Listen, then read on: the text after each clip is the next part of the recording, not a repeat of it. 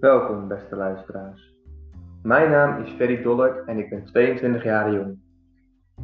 Ik woon nog thuis bij mijn ouders en twee oudere broers. Ik ben een student van de opleiding Integrale Veiligheidskunde op het NL Stende te Leeuwarden. Momenteel volg ik de minor over cybersafety. Tijdens deze minor leer ik onder andere over meerdere vormen van cyberdelicten. Als opdracht van deze minor moet ik een podcast maken over een onderwerp dat te maken heeft met cybersafety. Ik heb voor een onderwerp gekozen dat gevoelig bij me ligt. Helaas heeft iemand dit dicht bij mij moeten meemaken en heb ik deze cybercrime van dichtbij moeten meemaken. Ik had zelf nooit verwacht dat dit zou gebeuren door mijn opleiding die ik volg. Door mijn opleiding heb ik de nodige kennis om niet in de crime te trappen maar helaas wel de mensen om mij heen. Vandaag gaan we het daarom ook hebben over dit onderwerp om meer bekendheid te creëren, zodat andere mensen geen slachtoffer worden. We gaan het vandaag hebben over WhatsApp-fraude.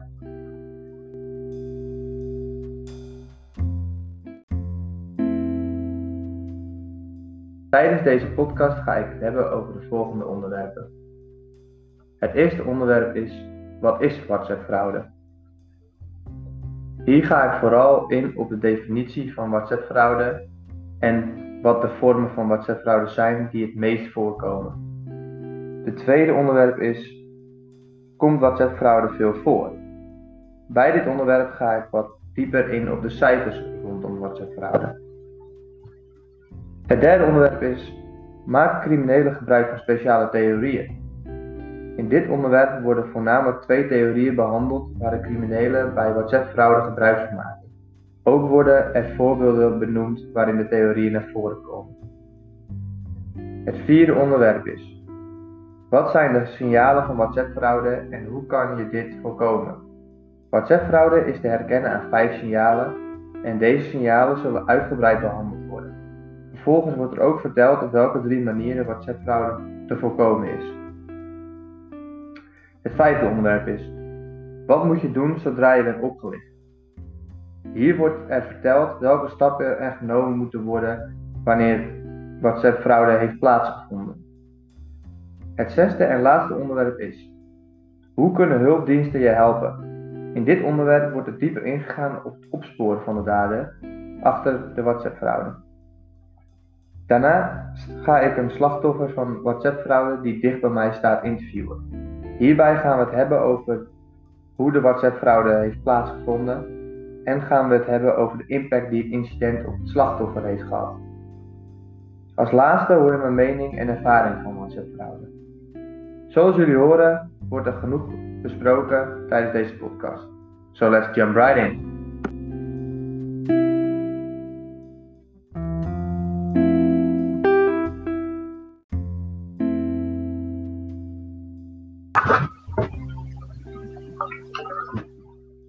Is WhatsApp-fraude nu precies? Ik begon mijn zoektocht door te kijken wat Google als definitie aangaf. Google gaf de volgende definitie: WhatsApp-fraude. Bij WhatsApp-fraude of sms-fraude vraagt een familielid of goede bekende u per WhatsApp of sms om op korte termijn een flink bedrag over te maken. Het blijkt echter geen familielid of goede bekende te zijn, maar een oplichter.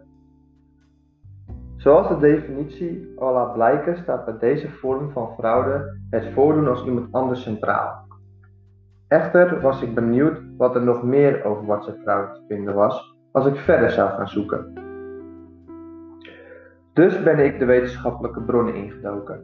Hier vond ik een mooi artikel waarin drie vormen van fraude via WhatsApp stonden uitgewerkt.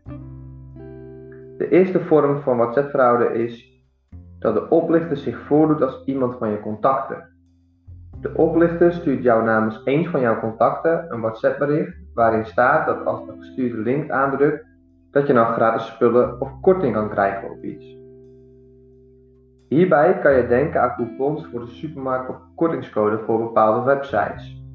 Zodra het slachtoffer echter op de gestuurde link drukt, komt er een schadelijk softwaresysteem op je mobiel. Via dit software kan de oplichter dan inbreken in het systeem van je mobiel. Op deze vorm van WhatsApp-fraude ga ik in deze podcast niet dieper in, want dit is niet de vorm die ik vandaag wil gaan behandelen. De tweede vorm is wat ingewikkelder. Over deze vorm ga ik daarom ook niet te veel vertellen, maar ik wou het wel even benoemen. De tweede vorm is via sms. Door de fraude via sms te laten plaatsvinden, kan de dader een tweede veiligheidssysteem ontwijken. Dit veiligheidssysteem wordt ook wel two-factor authentication genoemd. De two-factor authentication betekent dat wanneer je bijvoorbeeld iets via je mobiel wil kopen, dan moet je niet alleen je gebruikersnaam en wachtwoord invoeren, maar krijg je ook nog een verificatiecode toegestuurd via sms. Zonder deze verificatiecode kan je niets via je mobiel kopen. Doordat de dader de oplichting via sms heeft laten plaatsvinden, kan deze dader de verificatiecode omzeilen en even goed spullen via de mobiel kopen. Nu is er nog de derde en laatste vorm van WhatsApp-fraude. Dit is de vorm van WhatsApp-fraude waar ik het verder in deze podcast over wil gaan hebben. Dit is namelijk de vorm waarbij de dader zich voordoet als een familielid of goede vriend. Bij deze vorm van WhatsApp-fraude informeert de dader het slachtoffer eerst over het nieuwe nummer. De dader contacteert het slachtoffer namelijk met één voor hem nog onbekend nummer en vermeldt dan een berichtje waarom deze persoon een nieuw nummer heeft gekregen. Verder omvat dit nieuwe nummer een bijpassende profielfoto van de persoon die wordt nagebootst. Doordat er een foto van de nagebootste persoon bij het nummer staat, zijn de mensen eerder geneigd om te geloven dat het nummer ook daadwerkelijk van deze persoon is. De profielfoto die de dader gebruikt wordt van het slachtoffer zijn social media accounts gehaald, zoals bijvoorbeeld Facebook, Instagram, Twitter. Of de dader gebruikt social media accounts van anderen uit het gezin.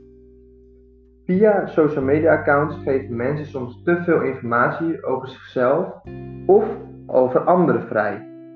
Hierdoor kunnen de daders bijvoorbeeld ook makkelijker zien hoe er onderling wordt gepraat tussen familieleden of vrienden. Aan de hand van deze informatie kan de dader tijdens het gesprek met het slachtoffer dezelfde manier van communiceren overnemen. Dit zorgt ervoor dat wanneer het slachtoffer met de dader aan het praten is, het sneller vertrouwelijk aanvoelt. Bij WhatsApp-fraude begint het gesprek vaak eerst met wat chit-chat en wordt dit later gevolgd door een oproep voor hulp.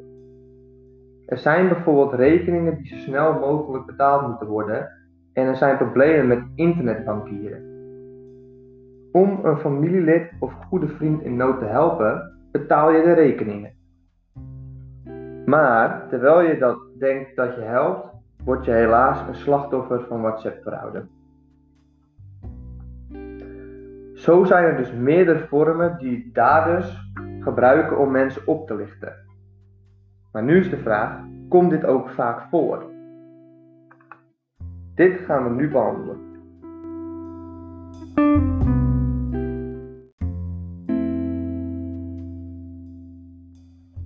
Bij het beantwoorden van deze vraag kwam ik al snel bij een artikel terecht waarin de volgende zin stond.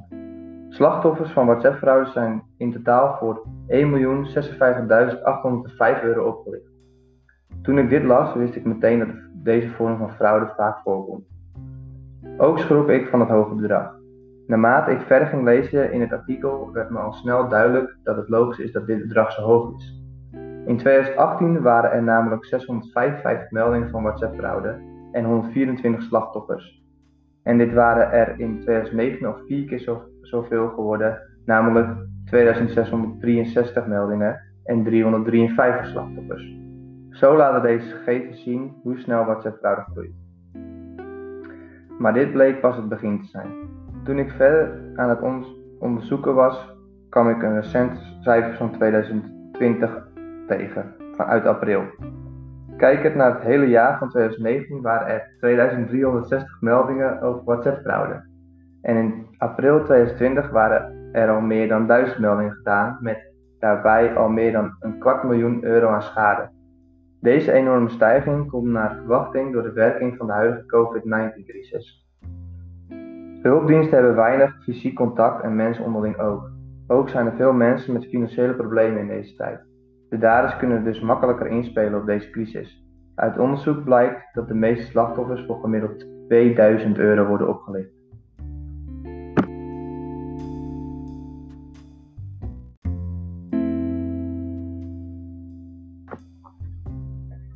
Kijken naar de informatie die ik nu allemaal ontdekt heb, kwam gelijk de vraag naar boven: hoe kunnen nu toch zoveel mensen zijn die in deze vorm van fraude trappen? Aan de hand van deze vraag ben ik dieper op de methodiek van de dader ingegaan. Zo kwam de term social engineering in veel artikelen voor. Bij het lezen van meerdere definities kwam elke keer dezelfde kern naar voren, namelijk het menselijk aspect. Bij social engineering staat het menselijk aspect namelijk centraal. De dader maakt dan ook geen gebruik van hekmethodes of geweld, zoals bijvoorbeeld afpersing. Maar het dader speelt in op het menselijk falen. De vormen hierin zijn heel verschillend. Een voorbeeld is dat je net in een hotel aankomt en de telefoon gaat. Rebecca van de receptie belt en vraagt om je creditcardgegevens omdat er iets mis is gegaan met het inchecken. Aangezien jij als persoon verwacht dat Rebecca werkelijk is, geef jij de gegevens. Achteraf blijkt dit een oplichting te zijn. Het gevaarlijke bij social engineering is dat het slachtoffer vaak niet weet dat hij is opgelicht wordt. Hierdoor helpen ze zelf mee aan hun eigen oplichting en komen ze er te laat achter.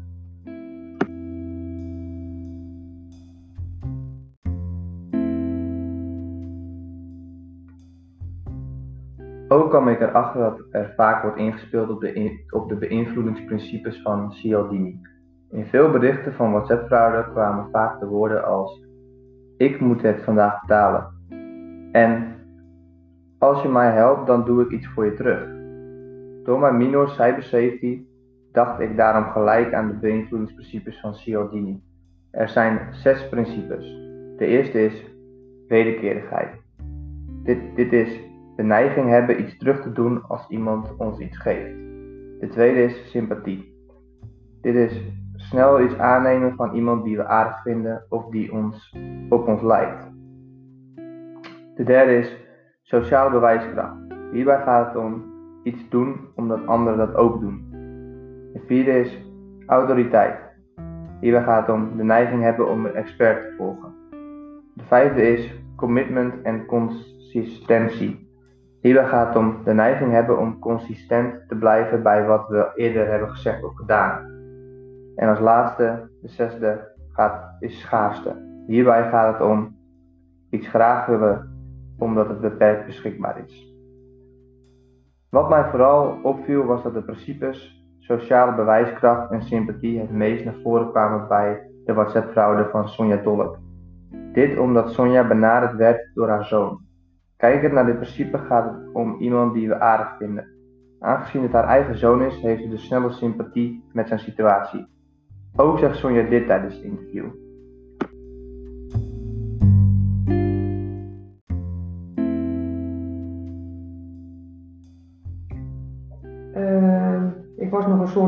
Trots dat het eigenlijk gelukt was. Want normaal doet mijn man altijd, maar in het kader van de corona had hij het heel druk. Dus toen dacht ik, Zon, pak je kladden bij elkaar en doe het zelf.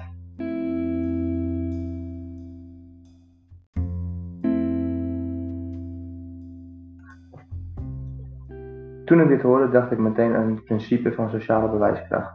Dit omdat Sonja normaal gesproken zelf geen bankzaken regelt, maar wou bewijzen dat ze het wel zelf kon. Nu zijn we aangekomen bij de vraag: hoe herken je WhatsApp-fraude? WhatsApp-fraude kan je herkennen aan een aantal signalen. Deze signalen zijn als volgt.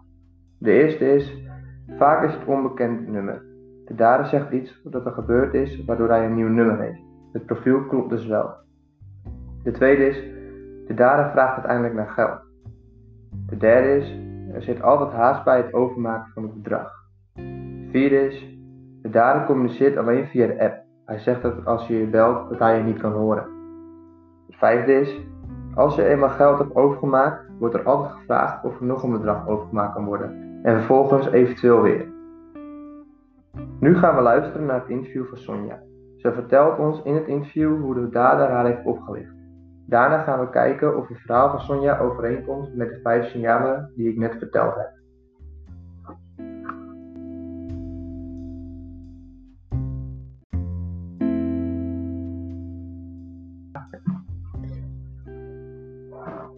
Zou u kunnen vertellen hoe de oplichting precies heeft plaatsgevonden? Ja, het uh, begon met dat ik een uh, appje kreeg uh, van een, een, nummer waarvan ik dacht dat het mijn zoon was en die heb ik geaccepteerd. en toen zei hij van, ik heb een nieuw nummer, Jeffrey. aan de hand, toen was het een tijdje stil en toen begon hij met een random gesprek over het corona. Dus toen hebben we een beetje heen en weer zitten appen. En uh, toen zei hij dat hij bezig was met zijn bankzaken en dat dat niet lukte omdat dat de Rabo-app niet werkte. Nou, toen uh, vertelde hij dat we dat toevallig die afgelopen zondag ook hadden gehad en dat je dan soms een uurtje later nog even moet proberen omdat het dan wel werkt. Um, hij had uh,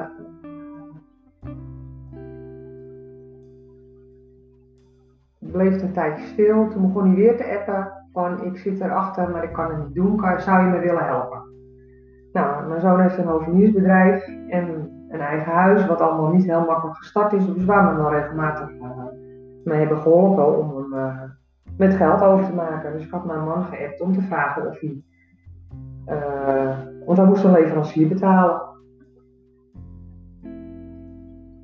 Hij, dus ik vroeg hoe gaan we dat doen? Nou, hij zegt als je nou het geld voor me overmaakt op een op, uh, de bankrekeningnummer, geef je naam en nummer en een screenshotje maakt, dan kan ik dat aan mijn leverancier laten zien en dan uh, komt het goed. En dan betaal ik je vanavond als het Rabo weer werkt weer terug. Nou, zo gezegd, zo gedaan. Hij begon haar gegevens gestuurd en ik heb het geld overgemaakt. Het was 2300 euro heeft hij uh, daarna gevraagd of hij nog een keer geld over kon maken. Want dat het een foutje was dat er toch nog een ander bedrag achteraan moest. Wat ik wel een beetje raar vond, omdat dat zo klakkeloos erachteraan ging. Dus ik vroeg nog of het wel uh, goed was, of het wel een uh, bedrijf was. Ik heb ook zelf nog een, uh, gegoogeld om te kijken of het dynamisch raars deed op internet, maar dat gebeurde niet. En toen heb ik dat ook nog overgemaakt. Uh, ik was nog een soort van trots dat het eigenlijk gelukt was. Want normaal doet mijn man altijd, maar in het kader van de corona had hij het heel druk. Dus toen dacht ik, zon, pak je kladden bij elkaar en doe het zelf. Dus nou, overgemaakt en uh, een uurtje later kreeg ik een folder van uh, een bedrijventerrein en daar stond een advertentie van mijn zoon op. Dus ik heb een screenshotje gemaakt en gezegd van zelfs in stond toren ben je zichtbaar.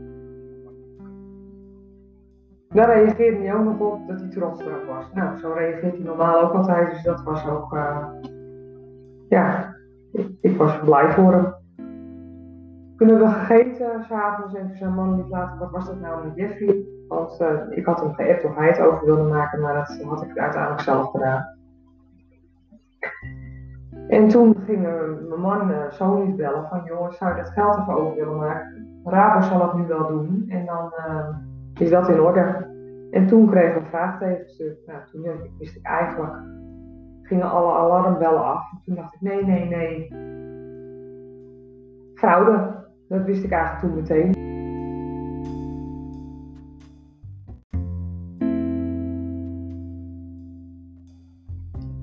Dit was dus het interview met Sonja waarin zij haar ervaring van de oplichting vertelt.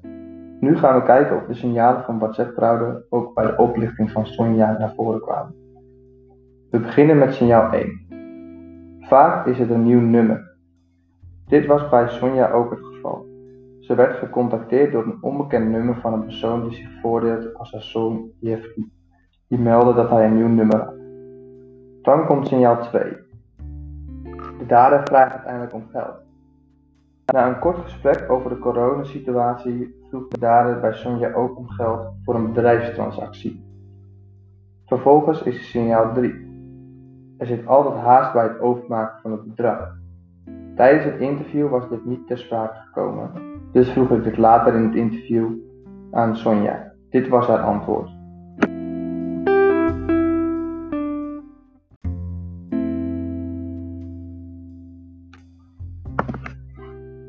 De dader om geld vroeg, zat er toen ook haast bij? Uh, ja, want hij uh, gaf aan dat hij uh, een levering moest betalen voor zijn leverancier voor zijn spullen, waardoor hij dat snel moest afhandelen.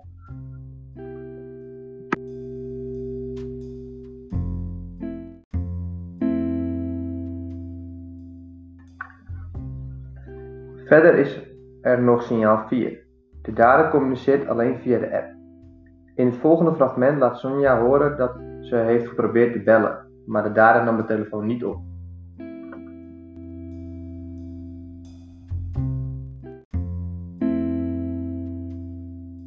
Nee, ik was in de veronderstelling dat het uh, zo'n lief was. Dus ik had nog een keer gerefereerd of het wel klopte allemaal en of het wel echt goed was. Ik had hem nog gebeld, maar hij kon op dat moment de telefoon niet opnemen, zei hij. Wat normaal gesproken ook wel eens vaker gebeurt, dus dat was ook niet vreemd.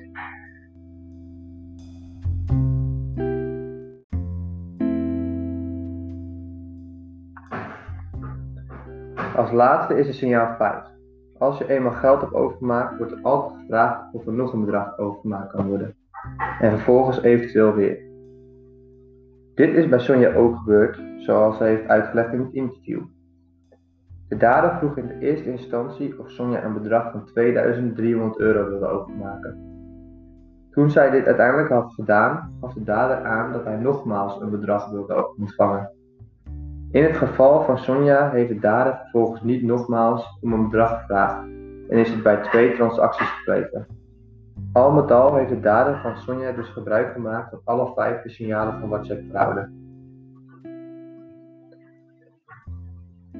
De vraag die nu bij mij naar voren komt is: had Sonja iets kunnen doen om de politie of om de oplichting te kunnen voorkomen? Ten eerste denk ik dat het belangrijk is dat er meer bekend wordt gemaakt wat de signalen van WhatsApp-fraude zijn. Als Sonja had geweten wat de signalen van WhatsApp-fraude waren, dan was de kans groter dat ze hier niet in was getrapt, omdat ze dan al sneller door had dat het een oplichter was. Maar niet alleen voor Sonja is het belangrijk om te weten wat de signalen van WhatsApp-fraude zijn. Dit is voor iedereen belangrijk. Dit blijkt ook uit de ervaring van Wouter die hij deelt in het interview van, voor Radar. Wouter zegt het volgende bij welke personen WhatsApp-fraude voorkomt.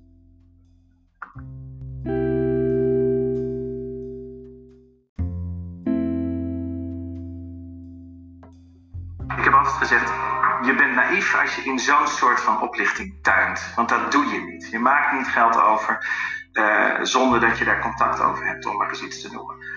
Nu heeft dat echt plaatsgemaakt voor je. Bent naïef als je denkt dat dit jou niet zal gebeuren. Dat dit jou nooit zal gebeuren. Dat is mij ook gebeurd.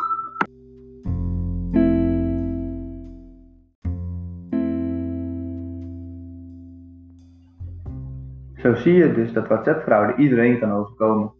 Daarnaast zijn er nog twee manieren waardoor je kan voorkomen dat je opgelicht wordt. Namelijk, de eerste is het bewust omgaan met persoonsgegevens. Hierbij kan je denken aan wat je allemaal op social media accounts vrijgeeft. Een voorbeeld hierbij is je relaties of telefoonnummer bijvoorbeeld. Deze informatie gebruiken de daders allemaal tijdens de oplichting.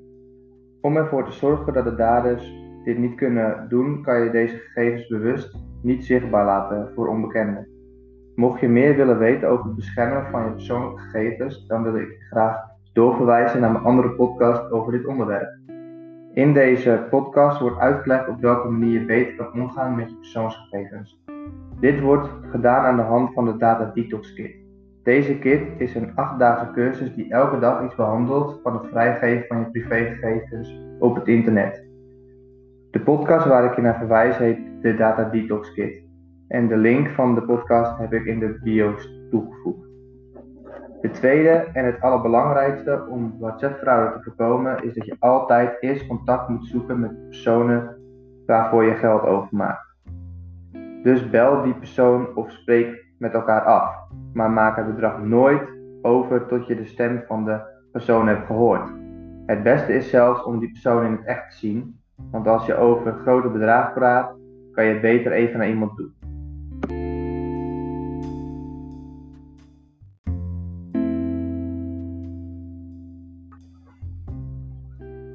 We zijn alweer aangekomen op de helft van deze podcast. Daarom wil ik even een kleine pauze inlassen om wat eten en drinken te pakken. Ook, is dit ook geeft u dit de gelegenheid om even rustig naar de wc te gaan. Tot zo.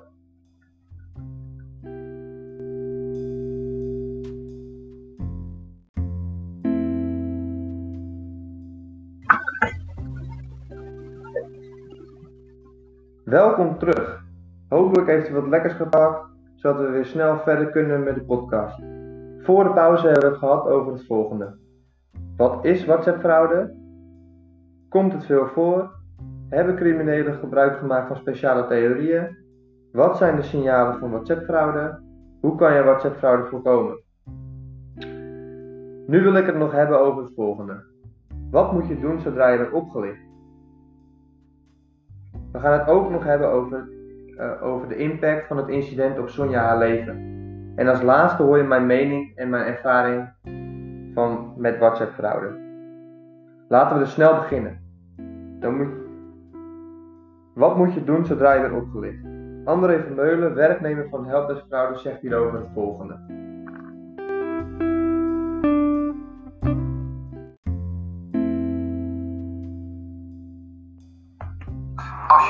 Slachtoffer bent geworden en je hebt eh, geld overgemaakt naar een boef, dan moet je een aantal dingen doen. Dat is één, je bank bellen.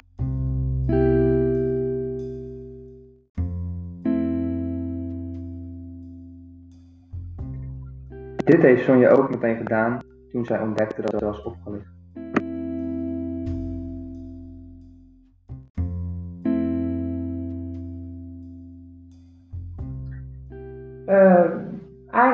Snel meteen uh, de bank gebeld. Die uh, hebben ja, gewoon gevraagd gericht van hoe wat allemaal. En die hebben gelijk daar melding van gemaakt. En die zouden erop terugkomen in de hoop dat het geld nog ergens hing. Dat we misschien nog mazzel hadden omdat het vrij snel achter naar de fraude, dat we erachter kwamen.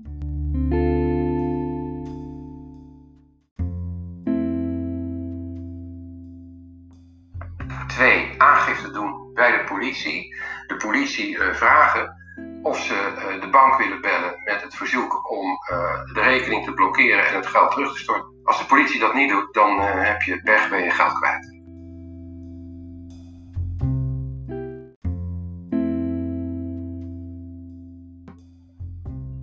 Ook deze stap heeft Sonja direct ondernomen.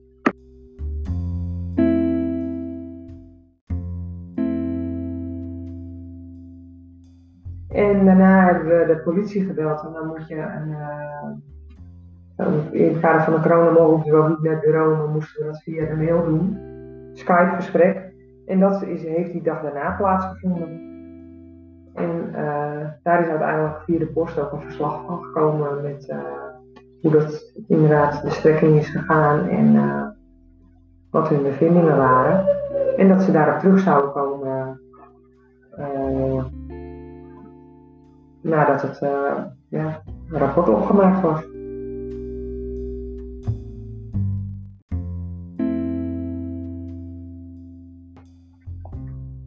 Sonja heeft dus snel en goed gehandeld, maar hoe vond zij dat ze werd geholpen door de hulpdiensten en heeft ze haar geld nog teruggekregen?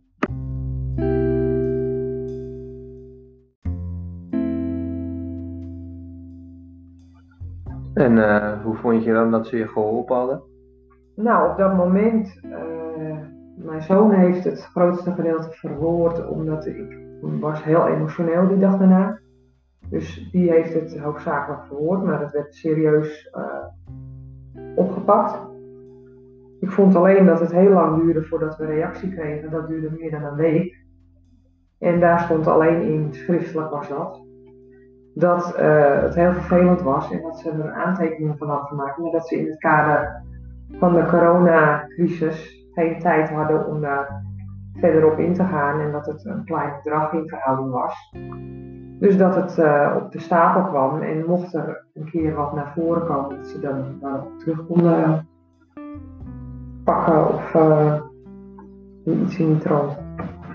Oké, en uh, heeft u dus uiteindelijk uw geld nog teruggekregen of is dat verloren gegaan? Nee, dat, is, uh, dat krijg je niet terug, want het blijft, het, het is natuurlijk, uh, ik heb het zelf met mijn volle verstand overgemaakt. het is geen skim of iets van die naad. En dan je, is de bank daar niet voor, uh, is geen fonds of iets voor. Dus je krijgt het gewoon niet goed. Het is gewoon eigen schuld, dikke schuld. En het enige is dat dat ook meer dan een week duurde voordat je hoort van het geld is inderdaad uh, zoek. Terwijl ze dat eigenlijk, dat het binnen een aantal minuten al bleek dat het van de rekening af was.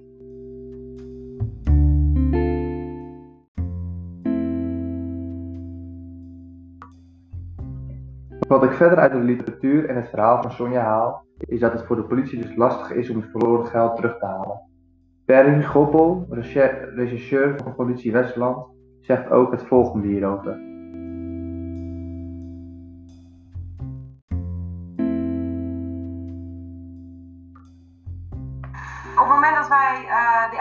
Binnenkrijgen, dan staat er een rekeningnummer vermeld. Uh, dat rekeningnummer dat, uh, wordt gevorderd. We gaan uh, bij de bank een vordering neerleggen voor de persoonsgegevens van de tenaangestelde van die rekening.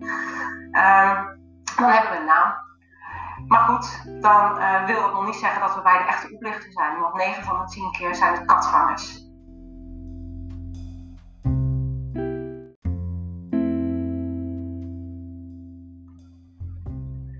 Perrine Goppel zegt dus dat 9 van de 10 rekeningen waar geld op gestort is, een katvanger is.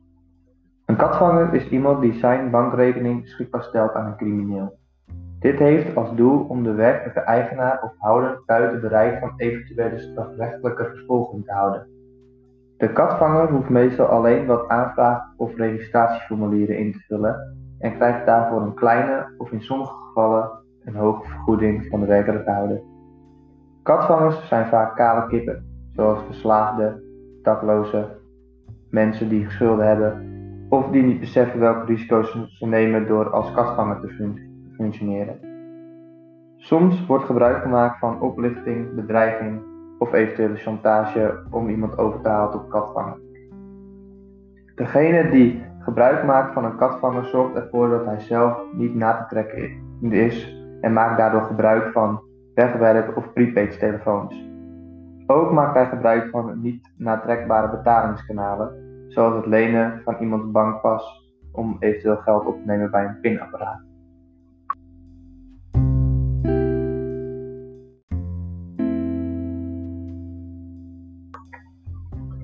Nu kan de volgende vraag naar boven. Zijn deze katvangers dan niet aansprakelijk voor het verloren geld? Zo blijkt het toch nog allemaal best lastig in elkaar te zitten. Een katvanger loopt wel degelijk een risico. Wanneer de fraudeur uitkomt, zullen de autoriteiten de katvanger als medeplichtige aanmerken en hem vaak strafrechtelijk vervolgen. Behalve een boete en soms gevangenisstraf loopt de katvanger hiermee ook een aantekening op het strafblad op. De reputatie krijgt gevoelige deuk. Bovendien kan de katvanger aansprakelijk gesteld worden voor eventuele schade. Autoriteiten zijn meestal niet gevoelig voor persoonlijke omstandigheden en zullen geneigd zijn de katvanger extra hard aan te pakken, om generaal preventieve werking te creëren.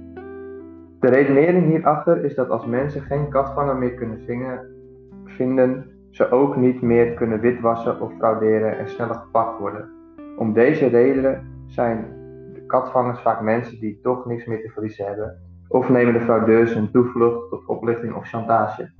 Doordat het geld gelijk doorgesluist wordt en de katvangers vaak zelf niets hebben, is het lastig om het geld terug te halen. De enige manier wanneer de politie iets kan doen is als de dader het geld gaat pinnen en er beelden van hem zijn. Op die manier heeft de politie aanknopingspunten en kunnen ze verder met onderzoek.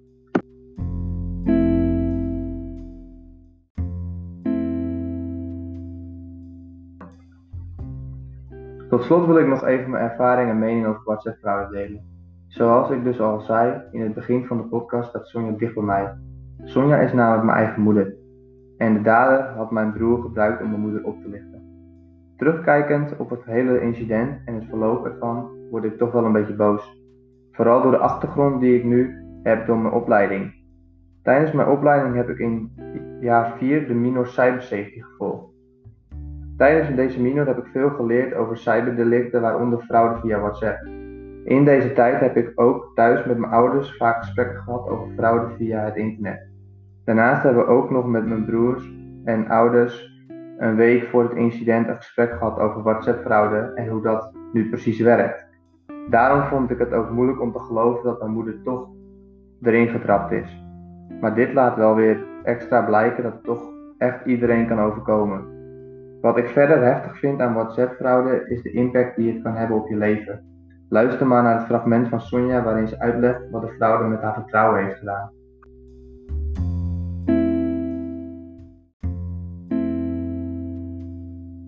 Heeft deze hele ervaring iets met je vertrouwen ook gedaan? Ja, dat zeker.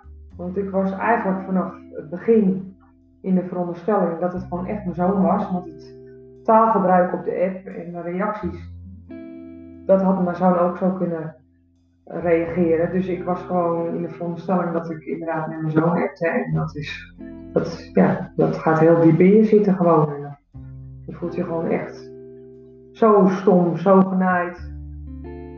Dat, dat haalt het slechtste in naar boven.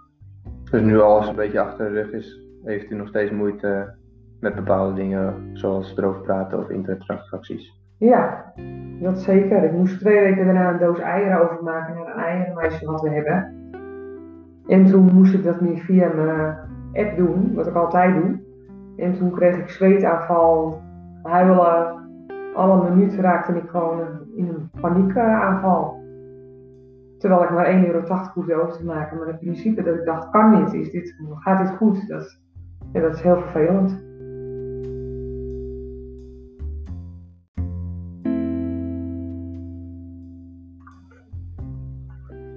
Dit fragment laat dus goed merken wat de impact van WhatsApp-fraude op iemands leven heeft. Sonja vertrouwde de dader die zich voordeed als haar zoon meteen. Maar dit bleek echter een oplichter te zijn. Hierdoor heeft ze moeite gekregen met online handelingen en dus met vertrouwen. Uiteindelijk ben ik wel van mening dat iedereen zijn of haar eigen verantwoordelijkheid is. Mijn moeder en andere slachtoffers, zoals Wouter, hebben elke keuze die invloed had op de oplichting zelf gemaakt. Ze kiezen ervoor om hun eigen gegevens online te delen. Hierdoor kunnen criminelen dus veel informatie verzamelen die zorgt dat ze sneller in de WhatsApp-fraude trappen. Ook wordt er op veel platformen gewaarschuwd voor verschillende vormen van oplichting, zo ook WhatsApp-fraude. De Rabobank heeft bijvoorbeeld een lange tijd een melding gehad. Deze melding kreeg je toen je inlogde op je internetbankieren-app. Ook komt WhatsApp-fraude regelmatig in het nieuws. Helaas zijn er altijd te veel mensen die deze vorm van oplichting onderschatten. Daarom denk ik dat het belangrijk is dat er meer op social media platformen moet worden gepost over dit soort problemen. De meeste mensen maken tegenwoordig wel gebruik van Instagram en Facebook. Door hier ook aan te geven hoe groot het probleem is, worden er meer mensen bereikt, waardoor er uiteindelijk minder mensen in deze vorm trappen. Toch snap ik ergens wel waarom dat mensen erin trappen. Zoals ik al vertelde gebruiken daders veel technieken zoals social engineering en de beïnvloedingsprincipes van Chialdini om mensen op te lichten. Vroeger waren de technieken veel amateuristischer. Hierbij kan je denken aan veel spelfouten of de dader die niet specifiek praat. Hiermee bedoel ik dat de dader op een algemene manier praat in plaats van een manier die specifiek voor het slachtoffer geldt. Een voorbeeld hiervan is dat hij over niks persoonlijks begint, bijvoorbeeld werk, maar gelijk naar het geld vraagt. Het slachtoffer werd vroeger dus sneller achterdochtig, waardoor de oplichting vaker mislukte. Doordat er bij WhatsApp-fraude mensen niet gedwongen worden om geld over te maken, laat dit dus zien dat het bij WhatsApp-fraude gaat om het menselijk falen. En helaas zullen mensen altijd fouten blijven maken. Ook verwacht ik dat er altijd mensen zijn die denken dat zij niet in deze vorm van fraude zullen trappen. Hierdoor zal WhatsApp-fraude in de toekomst blijven bestaan. Ik hoop dat jullie veel over WhatsApp-fraude geleerd hebben door mijn podcast. En mocht u meer interesse hebben in het onderwerp, de bronnen die ik voor deze podcast heb gebruikt staan in de bio. Deze podcast is gemaakt door Ferry Dollek en ik wil graag Sonja Dollek bedanken voor haar tijd en het delen van haar ervaring. Bedankt voor het luisteren en tot de volgende keer.